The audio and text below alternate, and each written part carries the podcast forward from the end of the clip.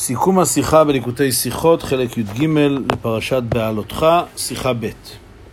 התורה אומרת בפרשתנו, והאיש משה עניו מאוד מכל האדם אשר על פני האדמה.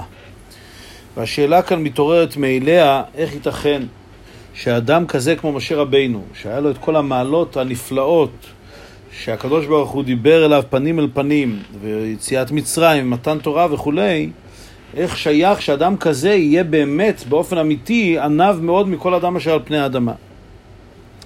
אז התירוץ שמובא על כך בחסידות בדרך כלל, הוא שהענווה של משה רבינו נבע מכך שכל המעלות והזכויות המיוחדות שהיו לו, הוא ראה אותם כמתנה מלמעלה, הוא לא ניכס אותם לעצמו, ויתרה מזה, הוא חשב שייתכן שאילו המעלות האלה היו ניתנות לאדם אחר, הוא היה מנצל אותם יותר טוב, והיה מביא אותם לידי שלמות גבוהה יותר, ולכן הוא היה עניו מאוד מכל האדם אשר על פני האדמה. שואל על כך הרב, לכאורה עיקר מעלתו של משה רבינו זה הנבואה שלו, שלא קם עוד נביא בישראל כמשה. עכשיו העניין של נבואה זה לכאורה לא דבר שקשור לניצול הכוחות שעל ידי האדם, זה עניין שמגיע מלמעלה, הקדוש ברוך הוא מתגלה לאדם והתגלה למשה רבינו באופן שהוא לא התגלה לאף נביא אחר. ואם כן, איך פה שייך שמשה רבינו יגיד שהוא ענב מכל האדם, כאילו הוא היה אדם אחר, אה, נביא כמוהו, הוא היה יותר נעלה ממנו. הרי זה לא דבר שהוא קשור בעבודתו של האדם, אז איך שייך לומר שמשה רבינו היה ענב ביחס למעלה העיקרית שלו, שזה המעלה של הנבואה. שלכאורה פה לא שייך לומר שאדם אחר היה עושה את זה יותר טוב ממנו. אז להבנת העניין הזה צריך להקדים את דברי הגמרא בסוף מסכת סוטה. המשנה אומרת שם, שמת רבי בטלה ענווה ויראת חטא. אומרת הגמרא שרב יוסף אמר לתלמיד שקרא את המשנה, אל תתני ענווה דאי כהנא. אל תאמר שבטלה ענווה משמת רבי, מכיוון שאני עדיין כאן ואני ענוותן. ממשיכה הגמרא שכשרב נחמן קראו לפניו את המשנה, הוא אמר לא תתני יראת חטא דאי כהנא. אל תזכיר שבטלה יראת חטא, מכיוון שאני נמצא ואני ירא חטא. שואל על כך הרי בשתי שאלות. דבר ראשון, רב נחמן ורב יוסף הרי חיו באותו דור והם הכירו זה את זה, וגם כל אחד מהם שיבח את חברו. ואם כן, איך זה ייתכן שכשרב יוסף אומר שלא בטלה ענווה, הוא משמיט את העובדה שלא בטלה יראת חטא. זאת אומרת, הוא מדבר במעלת עצמו שיש עדיין אדם ענוותן, אבל הוא לא מזכיר את העובדה שגם יראת חטא עדיין קיימת, כי רב נחמן עדיין קיים. וכמו כן רב נחמן, כשהוא מזכיר שלא בטלה יראת חטא, הוא לא מזכיר את העובדה שלא בטלה ענווה, כי רב יוסף הוא ענוותן. שאלה שנייה, לדעת רב נחמן, שמשמת רבי אכן בטלה ענווה, אבל לא בטלה יראת חטא, איך זה ייתכן? הרי הגמרא אומרת שענווה מביאה לידי יראת חטא, כלומר שיראת חטא היא מדרגה נעלית יותר מענווה. אז איך זה ייתכן שהמדרגה הנעלית יותר יראת חטא לא בטלה, ואילו המדרגה הנמוכה יותר, שהיא רק הכנה ליראת חטא, היא בטלה משמת רבי. אמנם הגמרא במסכת עבודה זרה מביאה שזה מחלוקת בין רב פנחס בן יאיר לבין רבי ישוע בן לוי, מהי מידה נעלית יותר, האם ענווה נעלית יותר מיראת חטא או יראת חטא גבוהה יותר מענווה. ובדברי התוספות שמה אה, מובא שזה מחלוקת בין התלמוד הבבלי לירושלמי, שלדעת התלמוד הבבלי ענווה היא מביאה לידי יראת חטא ויראת חטא גבוהה מענווה, ואילו לדעת הירושלמי ענווה היא גבוהה מיראת חטא. לפי זה היה אפשר לתרץ את שני השאלות ולומר שבזה גופה נחלקו רב נחמן ורב יוסף, שלדעת רב יוסף ולכן מי שמת רבי אכן בטלה יראת חטא אבל ענווה לא בטלה ואילו לדעת רב נחמן, יראת חטא נמוכה יותר, ענווה היא גבוהה מיראת חטא. ולכן, מי שמת רבי, בטלה אמנם ענווה, אבל לא בטלה יראת חטא. אבל אומר הרבי, קשה לומר כך. דבר ראשון, מכיוון שהגמרא כבר דנה במחלוקת בין רב פנחס בן יואל, רבי שועה בן לוי, האם ענווה גבוהה מיראת חטא, או יראת חטא גבוהה מענווה, והגמרא לא מזכירה בשום צורה שהמחלוקת בין רב יוסף ורב נחמן זה באותו עניין. ונוסף לזה, אם נאמר שזו המחלוקת בין רב נחמן לרב יוסף, יצא שרב נחמן שסובר שהענווה היא נעלית יותר מיראת חטא, הוא סובר כמו הירושלמי. ורב יוסף שסובר שיראת חטא נעלית יותר מענווה, הוא סובר כמו הבבלי. אבל בפועל רב נחמן הוא נחקר מחסידי בבל והוא בדרך כלל נוטה לשיטת הבבלי, ודווקא רבי יוסף הוא זה שבדרך כלל נוטה לשיטת הירושלמי. ולכן אומר הרבה, יש לבאר את המחלוקת בין רב נחמן לרב יוסף באופן אחר.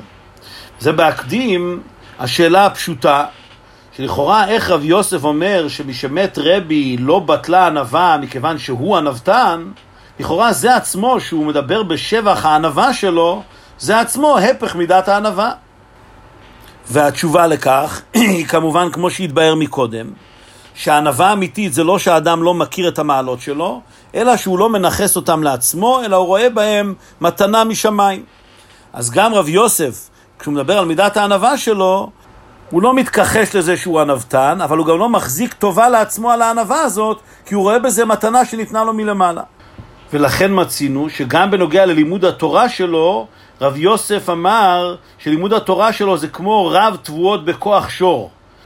כלומר שהוא לא יכול להחזיק לעצמו טובה על הלימוד התורה שלו כשם שהשור הוא רק אמצעי לצמיחת התבואה שצומחת מהאדמה, כך גם היגיעה של האדם בתורה זה רק אמצעי, אבל בעצם זה מתנה מלמעלה שהקדוש ברוך הוא נותן לו. אלא שעדיין צריך להבין. הרי הגמרא אומרת שאדם שלומד תורה כדבעי, הוא מתעלה ומתרומם עד שהוא נעשה שמור ומוגן מפני החטא. ולכאורה כאן כבר לא שייך לומר שאילו הכוחות ניתנו לאדם אחר, הוא היה מנצל אותם יותר טוב. מכיוון שדבר ראשון הוא עשה את זה על ידי יגיעתו, זה לא איזה מתנה שניתנה לו מלמעלה. וגם זה שינה את המהות שלו להיות אדם נעלה ששמור מן החטא. ובזה לא שייך שיהיה ענווה כלפי אדם אחר. כמו שלא שייך שהאדם יהיה ענווה כלפי בהמה כי אילו הבהמה הזאת היו לה כוחות, היא הייתה מצליחה יותר ממנו, כי זה הרי מהות שונה לגמרי.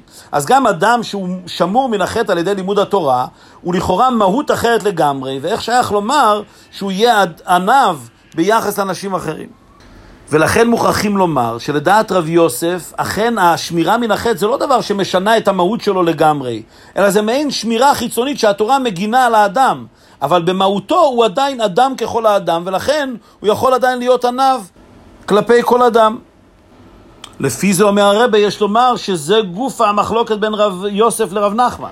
לדעת רב יוסף, השמירה מן החטא, זה דבר שלא משנה לגמרי את המהות של האדם, אלא זה שמירה יותר חיצונית, ולכן שייך שהיא תהיה לו ענווה אמיתית, ולכן אין לומר משמת רבי בטלה ענווה, כי רב יוסף אכן התנהג בענווה אמיתית לכל אדם. מה שאין כן לדעת רב נחמן, השמירה מן החטא שעל ידי לימוד התורה זה דבר שמשנה את כל המהות של האדם, ולכן לדעתו אי אפשר לומר שלא בטלה ענווה, ושרב יוסף אכן היה לו ענווה אמיתית כלפי כל אדם, מכיוון שהמהות שלו היא מהות נעלית יותר משאר האנשים, ולא שייך כאן ענווה ממש. לפי זה אומר הרבה, אפשר לומר שזה גופה, זה גם המחלוקת ביחס לעניין של יראת חטא. כי הרי הגמרא אומרת שרב נחמן כשנולד היה אמור להיות גנב, לא, כלומר לא היה לו יראת שמיים טבעית. ורק על ידי זה שהוא כיסה את ראשו והתפלל וכולי, אז הוא נעשה ירא חטא. ולפי זה יש כאן את אותה מחלוקת, שלדעת רב יוסף יראת החטא הזאת זה דבר חיצוני, ולכן אי אפשר לומר על רב נחמן שהוא ירא חטא, ולכן אי אפשר לומר שלא בטלה יראת חטא. כשם שההגנה מן החטא של רב יוסף זה הגנה חיצונית לדעתו, גם היראת חטא של רב נחמן זה גם כן יראת חטא חיצונית. לעומת זאת, לדעת רב נחמן, כשם שההגנה מן החטא שישנה לרב יוסף זה דבר ששינה את כל המהות שלו, כך גם היראת חטא שלו זה דבר ששינה את כל המהות שלו, ולכן אפשר באמת לומר שלא בטלה יראת חטא, מכיוון שרב נחמן הוא ירא חטא בכל מהותו. יוצא אם כן שזוהי המחלוקת בין רב נחמן לרב יוסף. לדעת רב נחמן, העבודה של האדם משנה את כל המהות שלו, ולכן הוא נחשב ירא חטא על ידי עבודתו, ולכן הוא לא ראה איך רב יוסף יכול להיות עניו בשלמות, מכיוון שהוא התעלה למדרגה אחרת לגמרי מאנשים אחרים. ואילו לדעת רב יוסף, הפעולה של האדם על עצמו זה פעולה יותר חיצונית, ולכן רב נחמן הוא לא נחשב ירא חטא בשלמות, כי זה דבר שהוא רק פעל בעצמו, זה לא דבר שהוא טבעי אצלו, וגם הוא יכל להתייחס בענווה אמיתית לכל אדם, כי השמירה מן החטא שישנה אצלו זה דבר חיצוני. אלא שלפי זה צריך להבין, לדעת רב נחמן, שאדם כמו רב יוסף לא יכול להיות באמת עניו כלפי כל אדם, מכיוון שהוא התעלה לדרגה אחרת לגמרי, אז איך זה ייתכן שאצל רבי היה כן ענווה, ולכן אומרים לי שמת רבי בטלה ענווה, וכמו כן לגבי משה רבינו, שהאיש משה ענב מאוד מכל האדם אשר על פני האדמה. מבאר הרבה שכאן מדובר על ענווה אחרת לגמרי. יש מושג של ענווה שהיא ענווה בעצם, היא לא ענווה שמגיעה מתוך איזשהו חשבון וטעם וכיוצא בזה, אלא זה אדם שהוא בעצם מהותו הוא ענב. ובסגנון החסידות זה ענווה כזאת שלא מגיעה מבחינת בינה, מבחינת התבוננות, אלא מבחינת הכתר שהיא מבטאת את עצם מהותו של האדם. וסוג ענווה כזה אנחנו גם מייחסים כביכול לקדוש ברוך הוא, שאומרים במקום שאתה מוצא גדולתו, שם אתה מוצא ענוותנותו, זה ענווה כזאת שלא מגיעה מצד איזה חשבון חלילה שמישהו נעלה יותר ממנו, אלא שזה ענווה עצמית כזאת, שהקדוש ברוך הוא כביכול משפיל את עצמו כלפי מטה. מסיים הרבה שמבואר בחסידות, שאחד ההבדלים בין התלמוד הבבלי לירושלמי, שתלמוד הירושלמי הוא בדרגות נמוכות יותר, הוא בתוך סדר השתלשלות. ואילו תלמוד בבלי אפשר להגיע על ידו לדרגות של למעלה מסדר השתלשלות. לפי זה מובן שדווקא רב יוסף, שהוא בשיטת התלמוד הירושלמי, אז כשהוא מדבר על ענווה, הוא מדבר על דרגת הענווה שבתוך סדר השתלשלות, זה ענווה שמגיעה מתוך חשבון. ולכן הוא אומר, אל תתני ענווה, אי אפשר לומר שמי שמת רבי בטלה ענווה, מכיוון שענווה כזאת שמתוך חשבון, גם יש לי, אה, היא כהנה, גם הענווה של רב יוסף אה, יכולה לחשב כענווה.